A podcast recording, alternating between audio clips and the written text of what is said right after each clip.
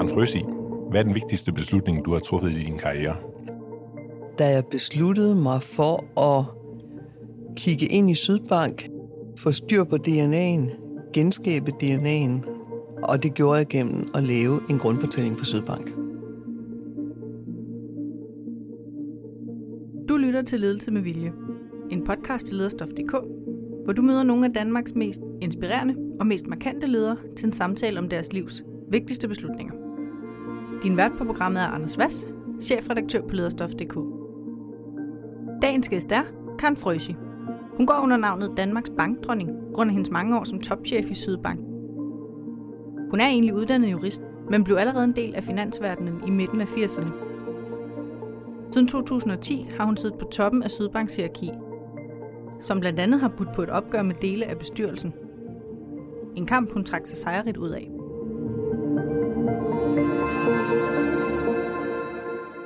Karen Frøsi, hvad karakteriserer dig som leder? Dybest set skal du jo spørge nogle andre om det. Men nu spørger du om, hvad jeg selv tror, der karakteriserer mig som leder. Så tror jeg, det karakteriserer mig som leder, at jeg er meget øh, direkte, klar og kontant. Øh, jeg er ikke den store personaleleder. Det har aldrig været mit gebet. Det er heller ikke noget, jeg har praktiseret. Jeg kan godt lide den del af ledelsen, der handler om at sætte en retning for virksomheden. Men hvis du siger, at du ikke er nogen personalleder og gerne vil sætte en retning, den retning øh, skal jo udføres af personalet, så hvordan kommer den forbindelse så ind? Ved klassisk personaleledelse, der forstår jeg mere den administrative ledelse af folk, der har rigtig mange referencer ind til sig, rigtig mange øh, mennesker, de hver dag skal håndtere, drifte, øh, hvor antallet af de referencer, jeg har, jo trods alt er begrænset. Jeg har jo øh, under 10, der, der dagligt refererer til mig, og derfor koncentrerer jeg mig mere om bankens retning, og selvfølgelig om, hvordan de ledere, der refererer til mig, udlever den retning, vi så sætter. Og der kommer der jo personaleledelse ind i det. Men jeg er ikke en af dem, der er god til at nedbringe sygefravær eller, eller tage, tage samtaler med folk. Hvordan sikrer du dig så, at det bliver gjort? Jamen, det, det der er forholdsvis let, fordi en af de allervigtigste discipliner, synes jeg jo, inden for ledelse, og den ledelse, jeg godt kan lide, og den jeg praktiserer, det er, at man skal kunne sætte sit hold. Og hvis man har et rigtig godt, stærkt hold, så er det faktisk forholdsvis let at lykkes som leder. Fordi så har man et rum med de mennesker. Man har en tillid, man ved, hvordan de agerer, man ved, hvordan de eksekverer. Så derfor har jeg fuld tillid til, at når jeg øh, med mine referencer har aftalt noget, så er det også det, der sker. Og hvordan spotter du så de mennesker, der skal være dit rigtige hold? Men det er jo noget af det, der er rigtig, rigtig svært. Fordi det er jo noget, der handler om, når der er en stilling, det handler om at besætte den med de rigtige kompetencer, men det handler også om at besætte dem med den person, som jeg spiller godt sammen med. Og det øh, fører mig jo lige for en kort bemærkning over i en af mine kæpheste, når man taler om kvinder og kompetencer. Så er jeg jo en af dem, jeg tror ikke på, der kun er én rigtig person til et job. Jeg tror, der er mange rigtige personer til et job, og det, det til sidst handler om, det er, hvem jeg i virkeligheden spiller rigtig godt sammen med og evner at opbygge tillid med.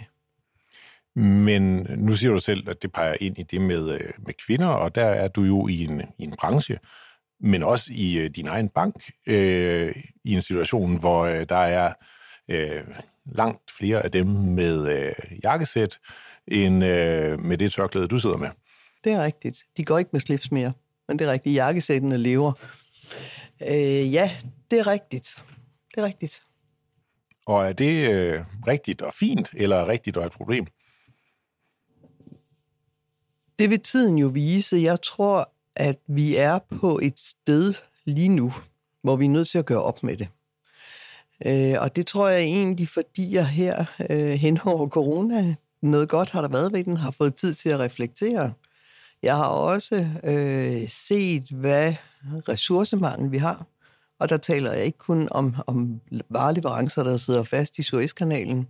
Jeg taler også om manglen på eller behovet for talent i Danmark. I Danmark er vi et relativt lille land med en åben økonomi. Vores største aktiv, det er jo ikke øh, dyre grundstoffer i jorden. Det er jo de talenter, vi evner at udklikke i Danmark, og det er vi faktisk ret gode til. Men hvis vi skal blive ved med at vækste den maskine, så er vi nødt til at se på hele talentmassen.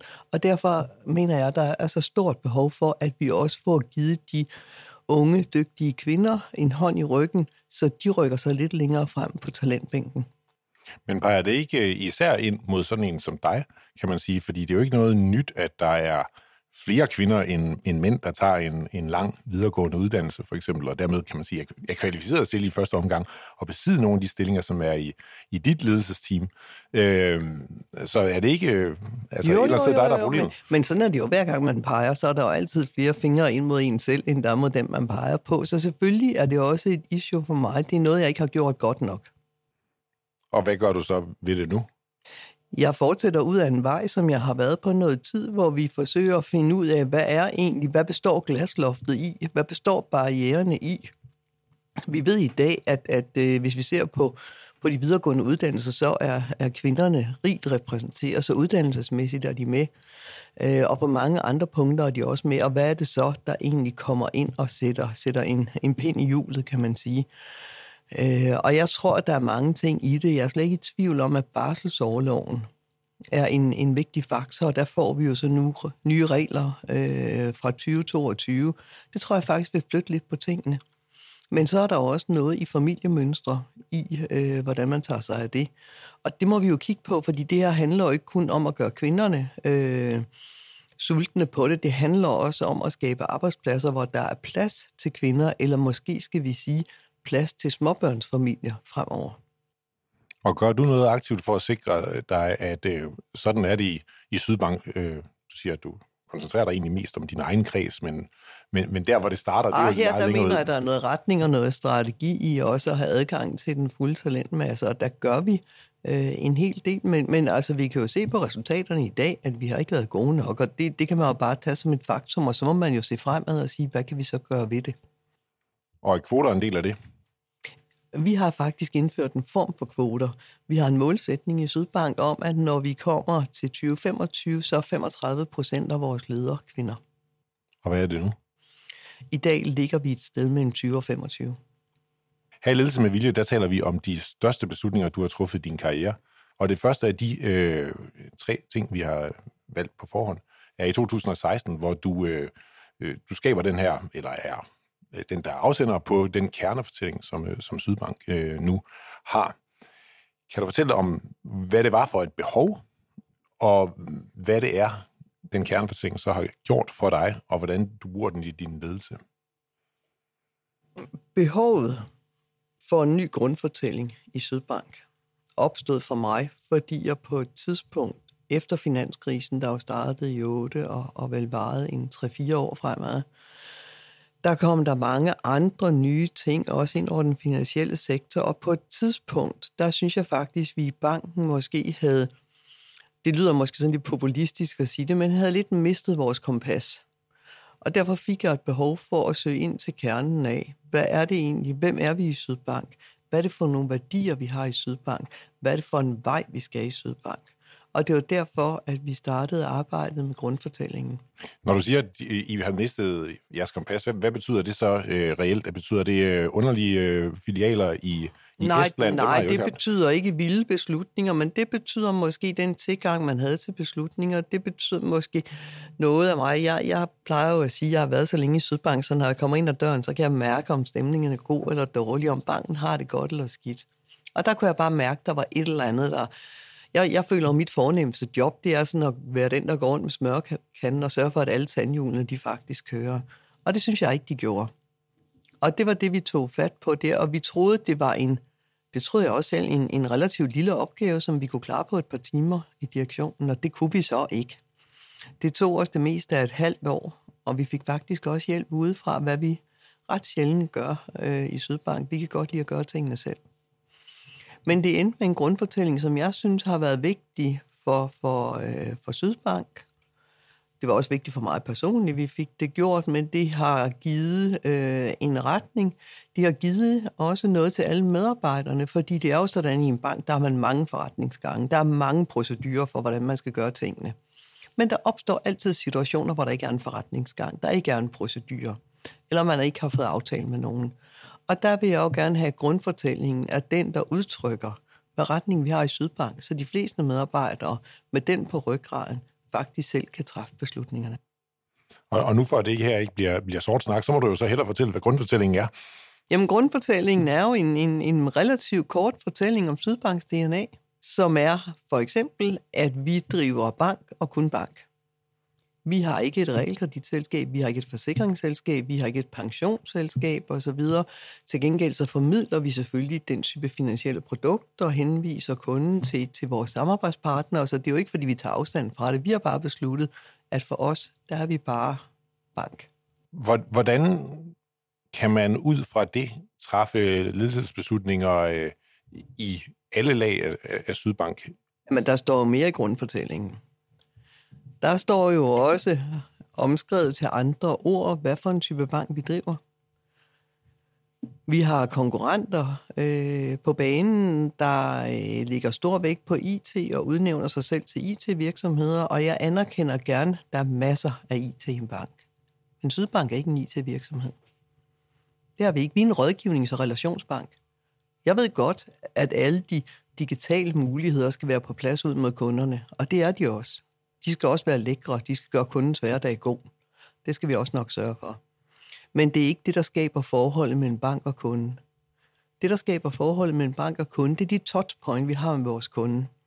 Det er første gang, man skal købe et hus eller en ejerlejlighed, og skal til at gældsætte sig sådan for alvor. Det er den rådgivning, man modtager af bankrådgiveren. Og jeg har min personlige version om, at den rådgivning skal gøre en forskel. Det er for virksomhederne, når de står i store beslutninger og skal have finansiering. Det er det at have en rådgiver, der kan sætte sig ind i deres virksomhed, der kan følge med dem hele vejen, der kan yde den finansielle rådgivning. Det er de touchpoint, der gør forskellen. Og det er man nødt til at kende, når man handler med commodity, fordi hvis du handler, det gør vi i en bank. Sydbanks penge er hverken pænere, mere værd, lugter bedre eller noget som helst andet. De er nøjagtigt med til dem, de har i de andre banker. Og derfor er det rådgiverne og den måde, vi håndterer kunderne på, der gør forskellen. Nu siger du uh, touchpoints, men ellers så det, du fortæller om, uh, om, om grundfortællingen i, uh, i Sydbank, som, som du har valgt, det, det er meget på dansk. Det er meget og de på fleste af, af, af de andre topledere, jeg taler med i, uh, i det, der jo så er internationale virksomheder, der er det helt naturligt uh, noget på, på engelsk. Vi er en domestic bank. Vi har tre filialer i Tyskland, det ved jeg godt, men bortset fra det er vi en ren dansk bank. Vores medarbejdere er danske, vores kunder er danske. Jeg synes, det er vigtigt at bruge det danske sprog og udtrykke sig i det. Og det kan godt ske, at det danske sprog er fattigt, men så må man bare gøre sig lidt mere umage, i stedet for at finde engelske ord. Det er en af mine kæpheste, som jeg kæmper en håbløs kamp i banken, når folk gerne vil have lange engelske titler. Og jeg prøver at forklare dem, jamen du har ikke engelske kunder men det lyder fint.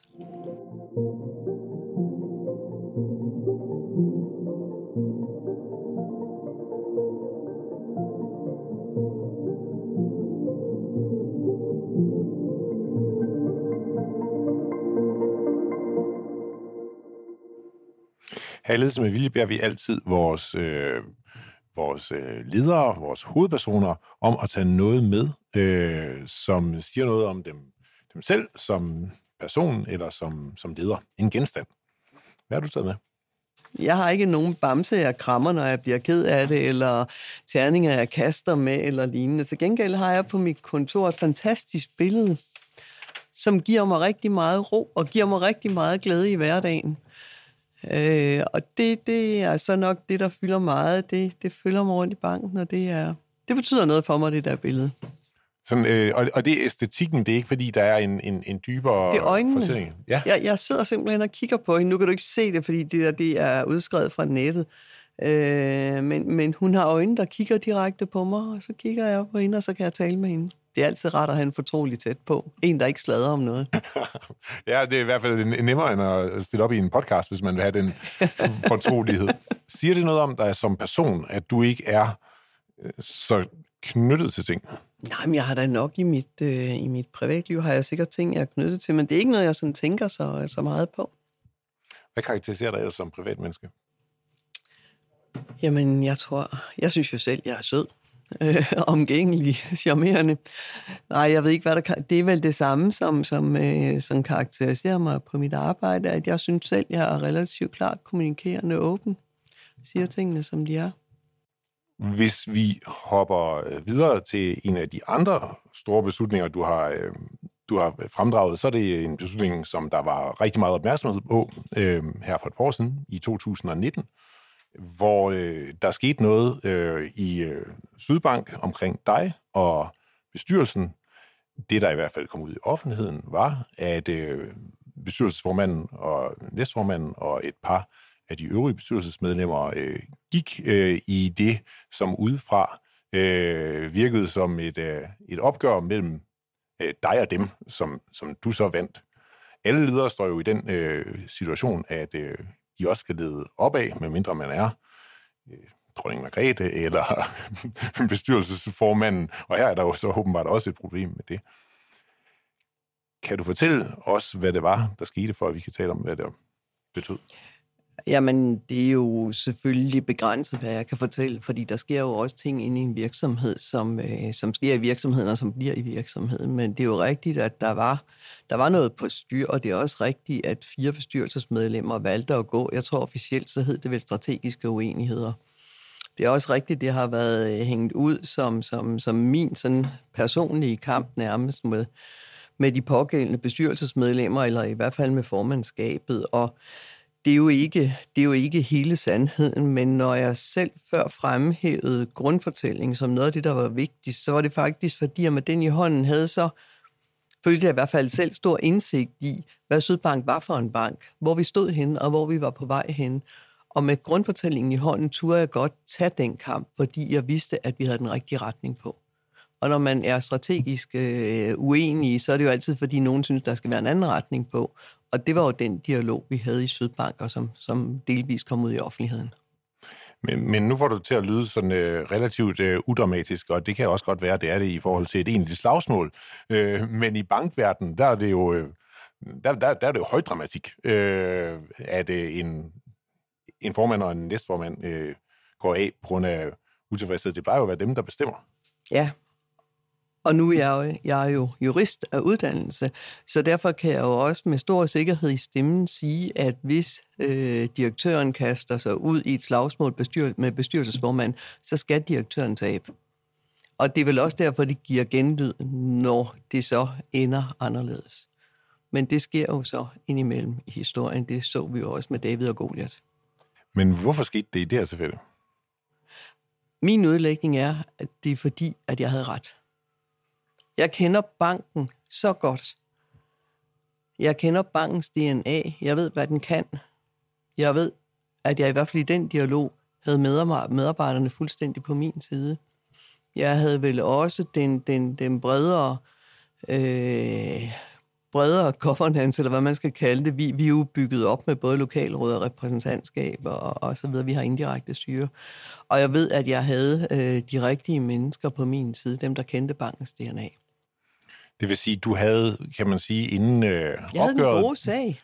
Jo, du havde en god sag, men du siger også, at du kender de rigtige mennesker. Altså, det er jo også et spørgsmål om, og det tænker jeg er interessant for ledere på alle niveauer, der også skal lede, som det her tilfælde jo er, opad, øh, den, den rette alliance på plads. Ja.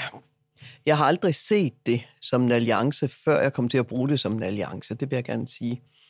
For mig har det mere været det, den pligt, man jo har når man har det privilegie, at man er, er, er øverste chef i en virksomhed, det er jo at kommunikere relativt klart og tydeligt med de mennesker, øh, der har indflydelse på banken, om hvad retning man sætter, hvad man gerne vil, hvordan man, man gerne vil gøre det. Og jeg er faktisk fra naturens side ret åben.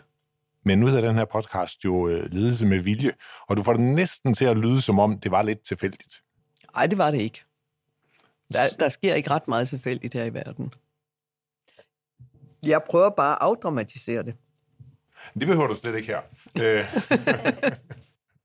så da det står klart for dig, at der er en uenighed, ja. hvad er det så for nogle tanker, du gør dig?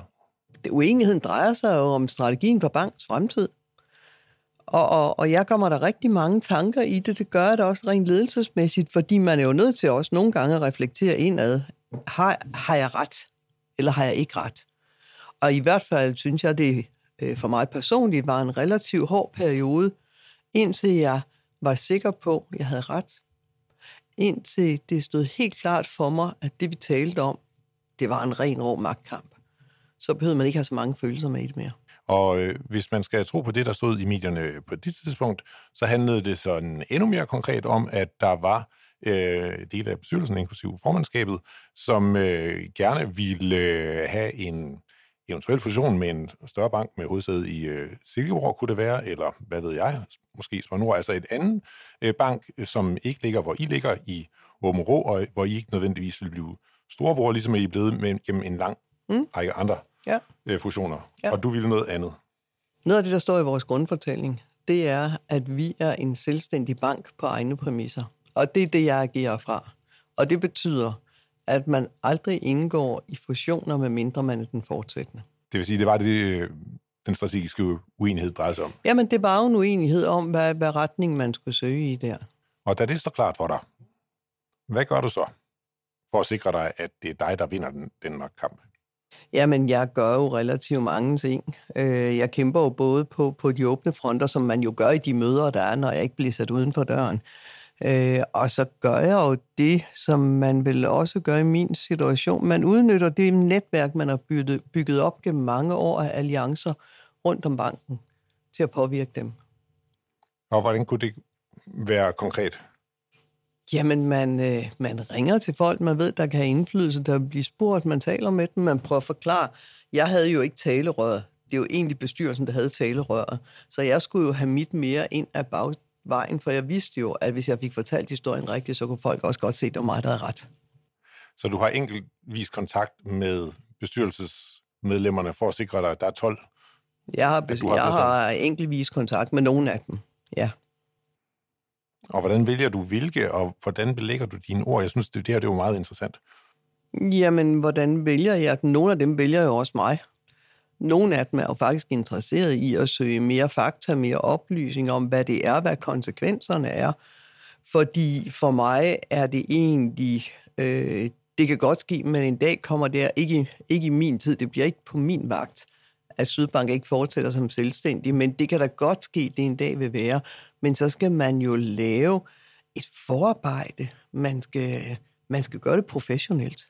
Det er det ikke bare at få en raptus og begynde at snakke med alle mulige mennesker så vidt jeg forstår på medierne, så er du jo også med i de snakke. Ikke dem alle sammen. Det, der sker, det er, at der så er et øh, bestyrelsesmøde. Ja. Hvor øh, er du med, eller er du ikke med? Hvad for et af dem? Der, hvor de ender med at øh, smutte formandskabet. Øh, der bliver faktisk ikke holdt et bestyrelsesmøde. De meddeler, at de vil udtræde. Der var planlagt et bestyrelsesmøde, men, men relativt øh, få timer før bestyrelsesmødet skulle være, der, der, der sendte de simpelthen en mail om, at de udtrådte af bestyrelsen. Hvad tænkte du så? Ja, hvad, hvad tænkte jeg? Jeg tænkte, at det er nok også det bedste.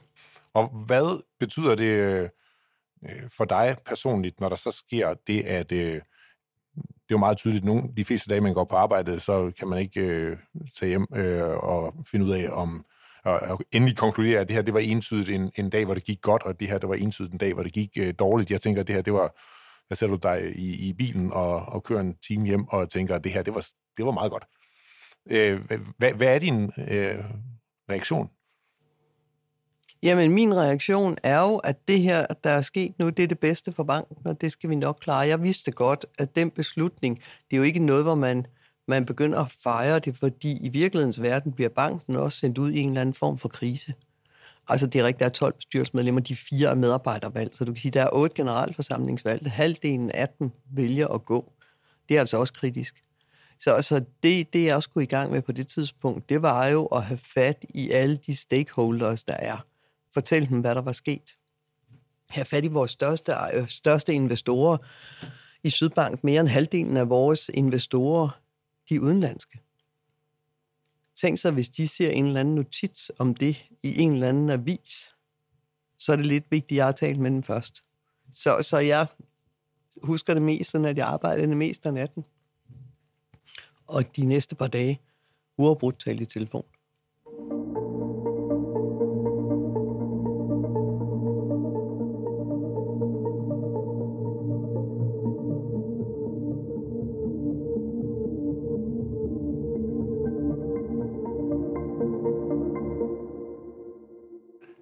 Tilbage til de allerstørste beslutninger i din karriere. Her øh, sidste år, øh, så vælger du at lave en fratrædelsesaftale med, øh, med flere fra øh, direktionen. Hvad ligger der til grund for den beslutning? Jamen, det er derfor, jeg har valgt de, de tre beslutninger. Det er jo så den tredje, du er ved her, fordi tingene hænger egentlig sammen. Tingene hænger for mig sammen i først skabe grundfortælling, få min egen klarhed over, hvad er Sydbanks DNA. Opgøret med bestyrelsen, der jo også handler i virkelighedens verden om bankens DNA. Og den sidste oprydning, jeg der havde tilbage, det var at få sat det direktionshold, som kunne udleve det DNA. Og det var de ændringer, jeg foretog i direktionen. Og jeg øh, brugte lidt tid på at få det gjort. Jeg brugte lidt tid på at få beslutningen truffet. Øh, I bagspejlet bruger man næsten altid for meget tid på at træffe sådan en beslutning. Øh, men da jeg jo selv siger, at jeg lægger meget vægt på, at man kan sætte sit hold, så skal man jo også øh, få det gjort. Og var det her et udtryk for, at du følte, at der var en illoyalitet, fordi der var den her øh, konflikt? Nej, der var ikke nogen illoyalitet, og der var ikke nogen dramatik om det. Øh, nogle gange er der bare folk, der er dygtige folk, hvor man har brugt det, de kunne give, og de har ikke mere at give den retning, man skal. Og hvad var det konkret her? Jamen, det var øh, hele, hele, jeg tænker faktisk, det var hele hele tilgangen til, hvordan vi som Sydbank skulle udleve vores, vores relationer til vores kunder, til vores medarbejdere, og det, det havde vi brug for et brush op og en ny tilgang til. Noget af det, du har sagt i, i andre interviews, øh, eller det, der er fremgået af andre interviews, det er, at du har stået for en, en linje, hvor en del af den konflikt, der har været nogle gange med, med ejerne, har været, at du ikke var så, så villig til at øh, laver en fyringsrunde, når der er brug for at tjene nogle flere penge. Øh, her indgår der så selvfølgelig nogle, nogle aftrædelser, men... Øh... Der er nogle aftrædelser. Jeg, jeg siger, det kan godt ske, at det er blevet citeret sådan. Det, jeg siger, og som jeg stadigvæk siger, det er, at jeg siger, ingen grund til, at nogen ledere har, har mere behov for, synes jeg nogle gange, at skabe dramatikken for at sætte fokus på deres egen beslutningskraft. Jeg ved godt, når jeg kigger fremadrettet, når jeg ligger mit budget for 22, så ved jeg godt, meget nøjagtigt, hvor mange medarbejdere vi skal være, når vi går ud af 22. Så kan jeg vælge at lave en god historie i pressen om, at nu viser Karen Frøs i handlekraft, og hun fyrer så x antal medarbejdere, eller også så kan jeg vælge at benytte mig af de udskiftninger, der alligevel er, den demografi, vi har, og selvfølgelig også mindre fyringsrunder, men slet ikke de store, hvor jeg får fokus på min beslutningskraft. Jeg kan godt lide at gøre tingene stille og roligt. Men er det ikke lidt i modstrid til det, du siger med at øh, sætte det rette hold? For det, noget af det, der kan jo være besværligt, hvis man ikke øh, samtidig går ud og det har ikke noget at gøre med at sætte hold, fordi det har noget at gøre tit med omkostninger, at vi skal være x antal, mindre mennesker, antal mennesker mindre. Og der skal vi ikke prøve at belaste nogen langt ude i ledende med, at de så ikke passede på det. Nej, vi skulle bare være fem i stedet for syv. Og hvordan har du det, øh, når du... Øh kører på arbejde og kører hjem igen, og har tid til at øh, tænke over sagerne, øh, når du så, øh, godt nok med mindre runder, men skal vælge at, at have fyret en masse mennesker? Jamen, der er jo ingen, der synes, det er rart at skille sig af med gode medarbejdere. Hvis, hvis medarbejdere har udvist illoyalitet, eller ikke øh, opfyldt deres forpligtelser, eller gjort noget, de ikke måtte, eller så videre, så er det jo relativt let at gennemføre en fyring, fordi så er vi ligesom enige om spillepladen. Der var det svært, det er, at vi jo lever i en tid, hvor man konstant skal have fokus på sine omkostninger og nedbringe sine omkostninger, i hvert fald hvis man er i den finansielle sektor. Og det vil også sige, at du kommer til at, at, at afskede folk, der egentlig har passet deres job godt. Øh, og det er aldrig nogen rar beslutning. På den anden side, så har jeg også et, et afklaret forhold til, at det er jo nu engang nogle af de beslutninger, der skal træffes, fordi der må det jo være øh, banken, altså der er ingen, der er over banken i den her sammenhæng. Når man træffer så mange beslutninger, som, som du gør, så tænker jeg, at øh, nogle gange så træffer man også nogen, der er dumme. Øh, eller forkerte. Det gør man helt sikkert. Hvad er nogle af de beslutninger, du har truffet, som du har fortrudt? Der er sikkert mange, hvis jeg sætter mig ned sådan og, og tænker mig om. Øh, der har jo været beslutninger, som der har været beslutninger af ren og skær driftsmæssig karakter, der har været beslutninger om det ene og det andet. Jeg har ikke nogen i hovedet, hvor jeg lige tænker, det vil jeg gøre. Ja, det har jeg nok, men det er ikke nogen, der egner sig til det her. Det lyder ellers spændende. det er det ikke. Så nu taler vi om, altså alle de her tre øh, vigtige beslutninger, det er dem, der, der drejer sig om jeres øh, grundfortælling. Er der andre af de beslutninger, du har truffet, som har været afgørende for den karriere, du har skabt dig? Jamen, det kommer an på, hvordan man ser det. For mig, der er de de her tre ting, der er vigtige. Så er der andre, der vil sige, så har vi lavet overtagelser. Vi har lavet nogle, der som man vurderer som gode, nogle man vurderer som dårlige. Nogle synes, når jeg læser avisen, at overtagelsen af almindelig brandbank var rigtig dygtig, rigtig godt, rigtig strategisk. Det var jo en overtagelse af en bank, og lige pludselig så bliver det jo drift for mig. Så jeg synes jo ikke, det er jo ikke sådan nogen, der sætter aftryk ind i fremtiden. Det har været en super god beslutning. Det har gjort noget rigtig godt for vores tal. Det har gjort noget rigtig godt for vores humør. Men, men det er for mig ikke afstanding på samme måde. Men, men det er jo også en forretningsbeslutning, kan man sige. Det, jeg tænker på, er egentlig nogle af de personlige valg, du har truffet gennem din karriere, hvad, altså, som har skabt den bankdirektør, der sidder overfor mig. Altså i, mit, i, min, i, i personen Karen? Ja. Ja. Jamen, øh, det, det tror jeg er svært at sige, fordi nogle gange så tænker jeg, at der, der er virkelig mennesker, der, har, der er gode til at planlægge deres karriere, der er gode til at gøre tingene, så de når hen til målet. Jeg er endt et sted, hvor alle vi har spillet på, det nåede jeg. Det var ikke det, jeg gik efter. Jeg er jurist. Folk mener ikke, at jurister kan tænke strategisk, så der har vi det første issue. Jeg er født som pige, heller ikke nogen klar fordel. Øh, ikke rigtig nogen økonomisk baggrund, og har aldrig været chef for store forretningsenheder eller store personalemæssigt tunge ben. Jeg har haft relativt små, agile juridiske øh, enheder. Så, så det er sådan lidt... Øh, jeg ved ikke, om det er tilfældigt, om det er held, om det er dygtighed, om det er timing. Personligt tror jeg jo mest, at det, der driver min karriere, det er, at jeg har mødt nogle rigtig gode mennesker, der har vildt mig. Og der har ville, øh, synes jeg, skulle frem af, og der har ville hjælpe mig fremad og så har det passet med en rigtig god timing. Kan du give et kon- øh, konkret eksempel på det? Jamen, da jeg fik mit øh, nuværende job, eller det, det, der var før, for jeg startede jo med at indtræde i direktionen i 2008 og blive så administrerende i 10. Når jeg kom i direktionen i 2008, så var kortene i Sydbank slet ikke spillet til, at det var mig, der skulle i direktionen. Der stod et andet navn på. Øh, og der er det jo en, den daværende administrerende direktør, Carsten Andersen, der i forløbet og efter nogle samtaler om mig beslutter sig for, at det skal være mig. Og det er jo fordi, han vil mig, fordi han tror på, at selvom jeg er pige, selvom jeg er jurist, selvom jeg ikke har siddet i et forretningsben, så tror han på, at det er mig, der kan gøre det. Og det er jo, når man møder sådan nogle mennesker, man får et, et, øh, et tæt forhold, der tror på en. Her Ledelse med Vilje, der slutter vi altid af med at spørge, hvilke beslutninger vores hovedperson øh, står foran. Hvad er de næste vigtigste beslutninger, du skal træffe din karriere? Nu vil jeg rigtig gerne komme med et, et begavet, kvikt og godt svar. Men jeg synes, jeg er i en sektor, der for det første er under en form for forvaltning. Vi hænger lidt fast i den gamle måde at gøre bank på. Vi er på vej mod en ny måde, der både er mere digital, men også mere kundevendt. Vi holder op med at være skrankepaver. Det er en rejse, der vil vare lang tid. Vi skal udvikle rigtig meget på vores IT, så der er mange ting, mange beslutninger, der kommer til at være der, når tiden er moden. Men vi er lidt afhængige af, hvor vores kunder er henne. Så er det også en sektor, der er utrolig forbundet med økonomien, både i Danmark og i verden.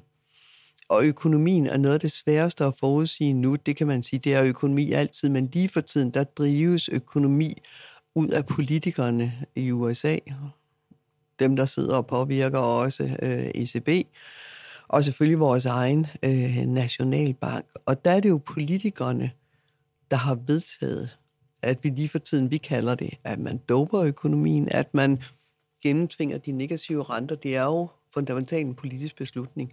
Og der er nok ikke noget sværere end at forudsige, hvornår en politiker vil, vil, vil ændre sin beslutning. Det kan være i morgen, det kan være om tre år. Og alle de ting vil påvirke, hvad det er, jeg kommer til at beslutte. Tak for det. Og tak fordi du vil være med i Ledelse med Vilje. Det vil jeg gerne.